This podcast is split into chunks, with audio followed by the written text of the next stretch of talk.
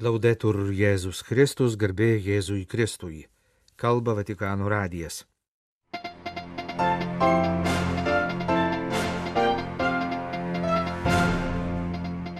Popiežius penktadienį buvo išleistas iš ligoninės. Grįždamas iš ligoninės, Pranciškus užsuko į švenčiausiosios mergelės Marijos didžiąją baziliką, o taip pat aplankė į generalinę kapitulą susirinkusias seseris vienuolės. Valstybės sekretorius kardinolas Parolinas perskaitė popiežiaus žinę Tarptautinės darbo organizacijos aukščiausio lygio susitikimo dalyviams. Vatikane lankėsi Tailando budistų delegacija.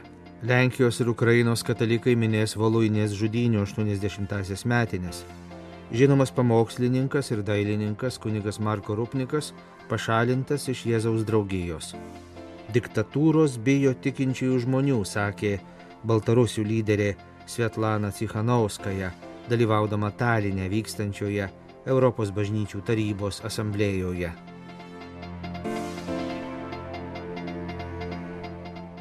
Penktadienio birželio 16 rytą popiežius Pranciškus buvo išrašytas iš Romos Agostino Džemelį ligoninės, kur praėjusios savaitės trečiadienį, birželio 7 dieną, jam buvo atlikta pilvo išvaržos operacija. Grįždamas iš ligoninės į Vatikaną, popiežius užsuko į Romos švenčiausiosios mergelės Marijos didžiąją baziliką, padėkoti Dievo motinai, salius populi romanį, romiečių sveikatai už užtarimą ir globą.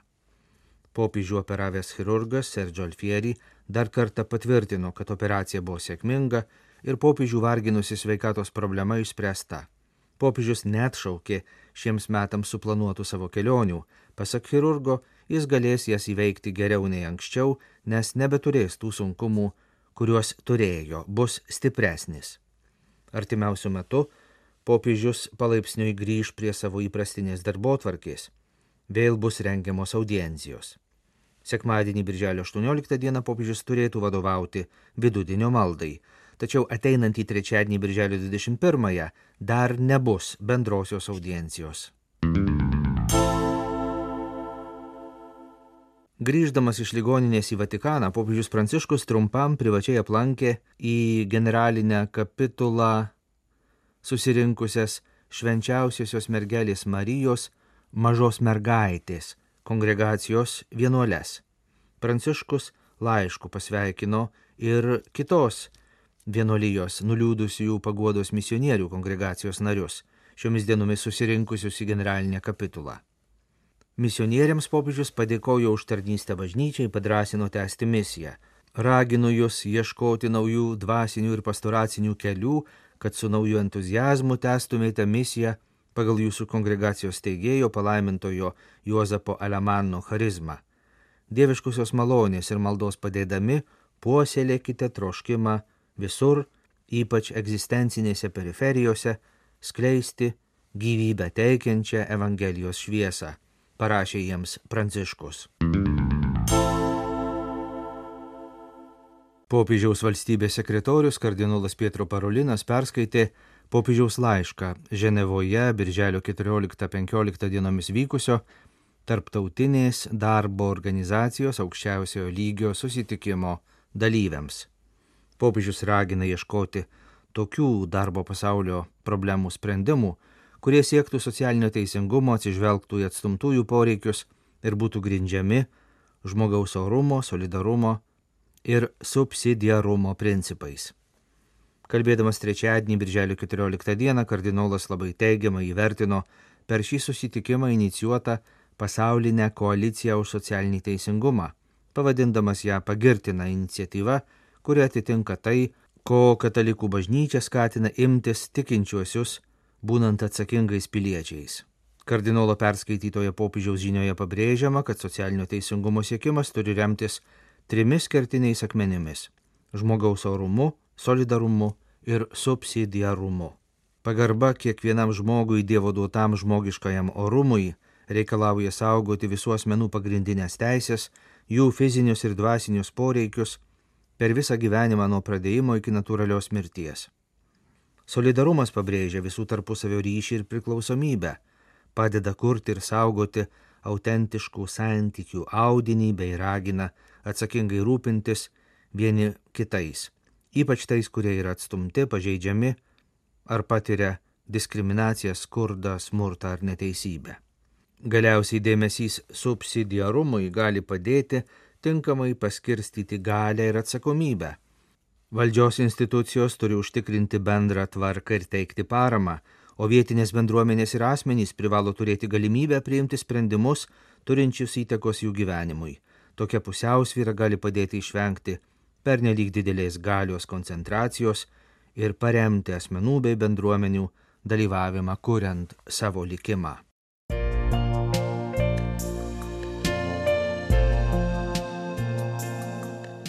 Jūs klausotės Vatikano radio. Tęsėme žinių laidą lietuvių kalba.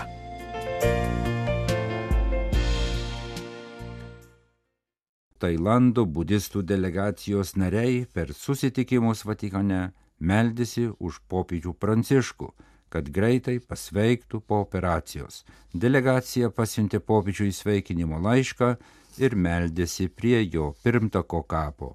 80 budistų vienuolių delegacijos susitikimai su Šventojo sosto atstovais įvyko birželio 14-15 dienomis, tačiau neįvyko planuotas delegacijos narių susitikimas su popiežiumi, kuris tuo metu po operacijos gydėsi ligoninėje.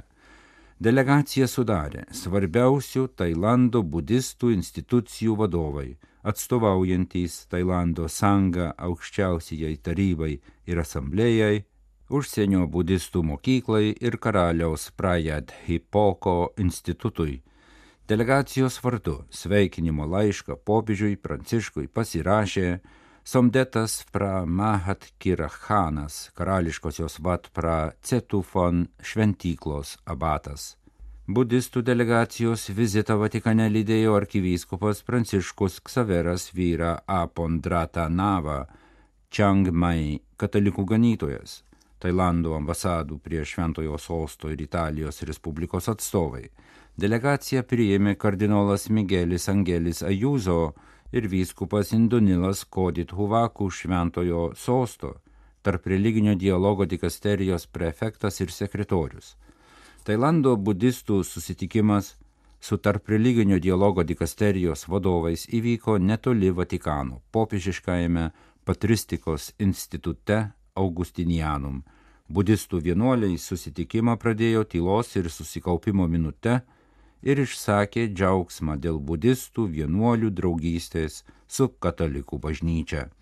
Delegacijos atstovai papasakojo apie apsilankymą ir maldą prie popiežiaus Benedikto XVI kapo. Kardinolas Ajūzo padėkojo vienuoliams už jų maldą ir sveikatos linkėjimus popiežiui Pranciškui. Jis patikino, kad Tailando budistai ir Romos katalikai, kaip geri draugai, dalyjasi tais pačiais džiaugsmais ir skausmais, rūpeščiais ir svajonėmis. Budistų ir katalikų susitikimai yra kaip tikrų draugų piligrimystė, pažymėjo kardinolas. Žinomas pamokslininkas ir dailininkas Marko Ivanas Rupnikas, kaltinamas moterų seksualiniu išnaudojimu, pašalinamas iš Jėzaus draugijos.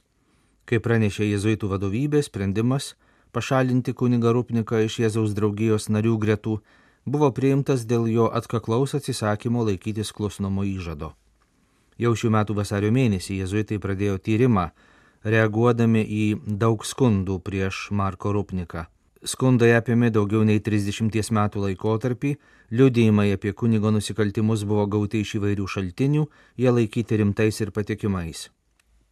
Vykstant tyrimui, Kaltinamajam kunigui buvo uždrausta vieša dailininko veikla, ypač kurti darbus bažnyčiose ir bažnytinėse institucijose. Draudžiama vykdyti silovadą ir teikti sakramentus, taip pat draudžiama išvykti. Jis taip pat buvo paragintas apgailėti savo nusikaltimus ir duoti aišku ženklą nukentėjusiems asmenims, kad siekia tiesos. Tačiau kunigui Rupnikui atkakliai atsisakant paklusti nurodymams, jėzuitų vadovybei liko tik viena išeitis - pašalinti jį iš Jėzaus draugijos. Dabar jis turi galimybę per 30 dienų pateikti apeliaciją. Voluinės žudinių metinės Lenkijos ir Ukrainos katalikų vyskupai žengia dar vieną žingsnį atleidimo ir susitaikymo kelyje. Abiejų bažnyčių vadovai kartu pagerbs žudinių Ukrainoje aukas minint jų 80-asias metinės. Liepos 7 ir 8 dienomis Lenkijos vyskupų konferencijos pirmininkas Stanislavas Gandeckis, Poznanės arkivyskupas, ir Sviatoslavas Ševčiukas, Ukrainos graikų apieigų bažnyčios vyriausiasis ganytojas, Kyjivo ir Haličio didysis arkivyskupas, už žuvusiosius melsis kartu Liepos 7 dieną Varšuvoje, Liepos 8 dieną Pavlivkoje, Valuinės srityje. Lenkijos episkopato vadovas pranešė apie būsimą susitikimą su Sviatoslavu Ševčiuku po Birželio 14 dieną įvykusio vyskupų konferencijos plenarinio posėdžio. Kalbėdamas žurnalistams, ganytojas reiškia vilti, kad Lenkų žudynių Ukrainoje 80-ųjų metinių minėjimas leis žengti dar vieną reikšmingą žingsnį Lenkų ir ukrainiečių susitaikymo kelyje. Arkivyskupas pranešė, kad su Ukrainos graikų apieigų katalikų bažnyčios vadovu pasirašys bendrą pareiškimą klausimų, kuris dar kelia įtampą Lenkijos ir Ukrainos santykiuose. 1943 metais etninių valymų tragedija itin skaudžiai palėtė apie šimto kaimų gyventojus Ukrainos šiaurės vakaruose. Ukrainos partizanai kaltinami už iki 130 tūkstančių nekaltų civilių žmonių daugumoje Lenkų žudynės. Lenkų nacionalistai kaltinami už apie 20 tūkstančių ukrainiečių žudynės. Arkivyskupas Gandeckis patikino, kad atleisti nereiškia užmiršti. Atleidimas yra būtina meilę ir tiesa paremto susitaikymo proceso sąlyga, pažymėjo ganytojas. Lenkijos vyskupai konferencijos susitikime dar kartą užtikrino savo maldą už Ukrainą, kuri toliau priešinasi Rusijos agresijai. Šį sekmadienį, birželio 18 dieną, visose Lenkijos katalikų bažnyčiose bus atnaujintas Rusijos ir Ukrainos paukojimo nekalčiausiai švenčiausiosios mergelės Marijos širdžiai aktas.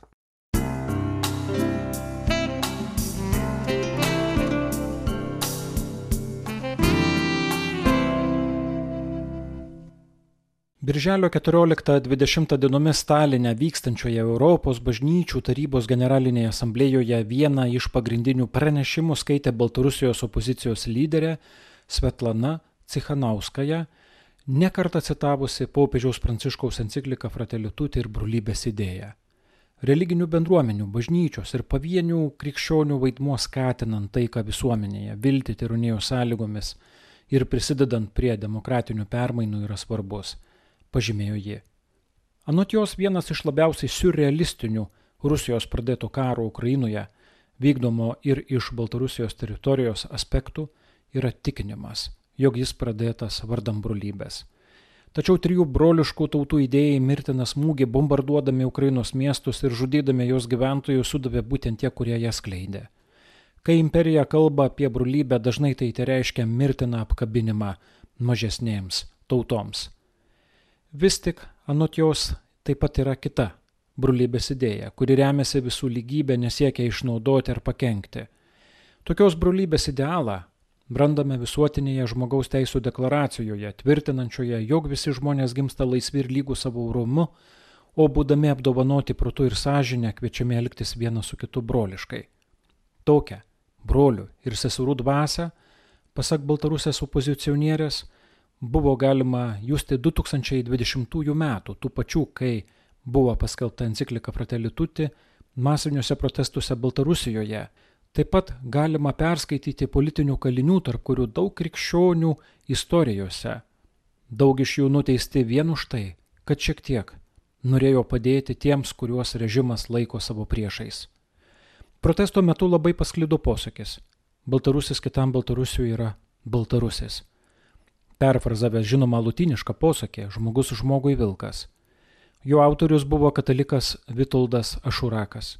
Jis buvo areštuotas pakeliu iš maldos susitikimo, rankoje laikė rožinį.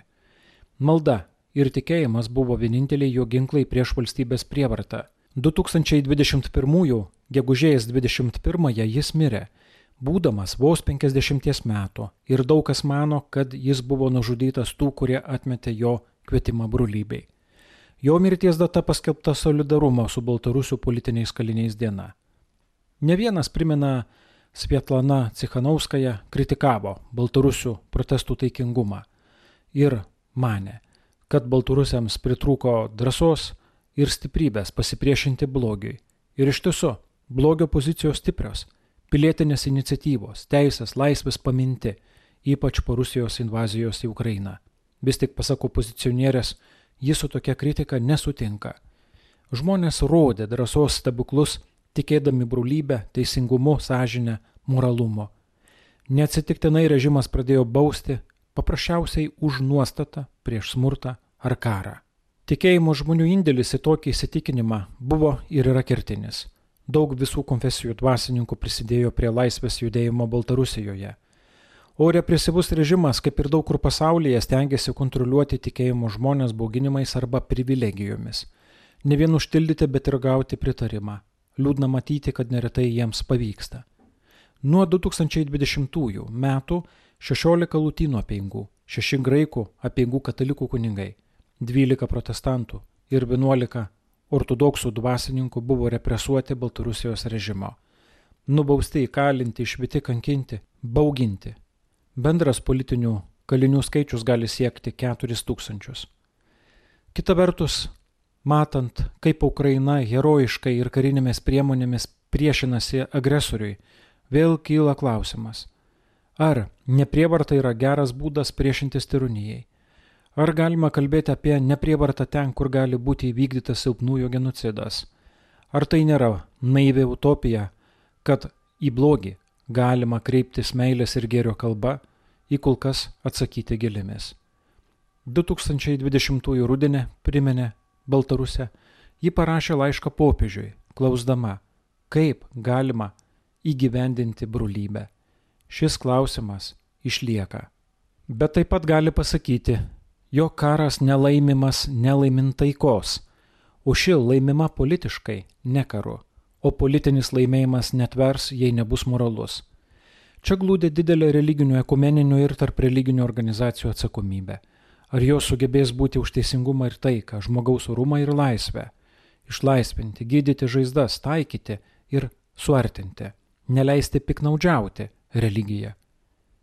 Žmonės, kuriuos tikėjimas moko nežudyti, nevokti, melagingai neliudyti, kurie Dievą gerbė labiau už politinius lyderius, kurių moralė stiprinama tikėjimu, yra nepaprastai pavojingi diktatūroms ir nepaprastai reikalingi demokratinėms valstybėms, sakė Svetlana Cikhanauskaja. Kviesdama ekumeninę auditoriją Talinę, kaip prašė ir popiežiui, melstis, kalbėti, ištiesti pagalbos ranką kenčiantiems nuo tironijos Baltarusijoje ir Ukrainoje, kalbėti apie tikrą taiką, tikrą brolybę ir tikrą meilę.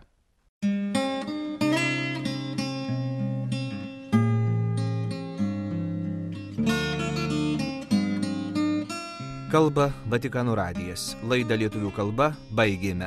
Garbėjai Jėzui Kristui, laudetur Jėzus Kristus.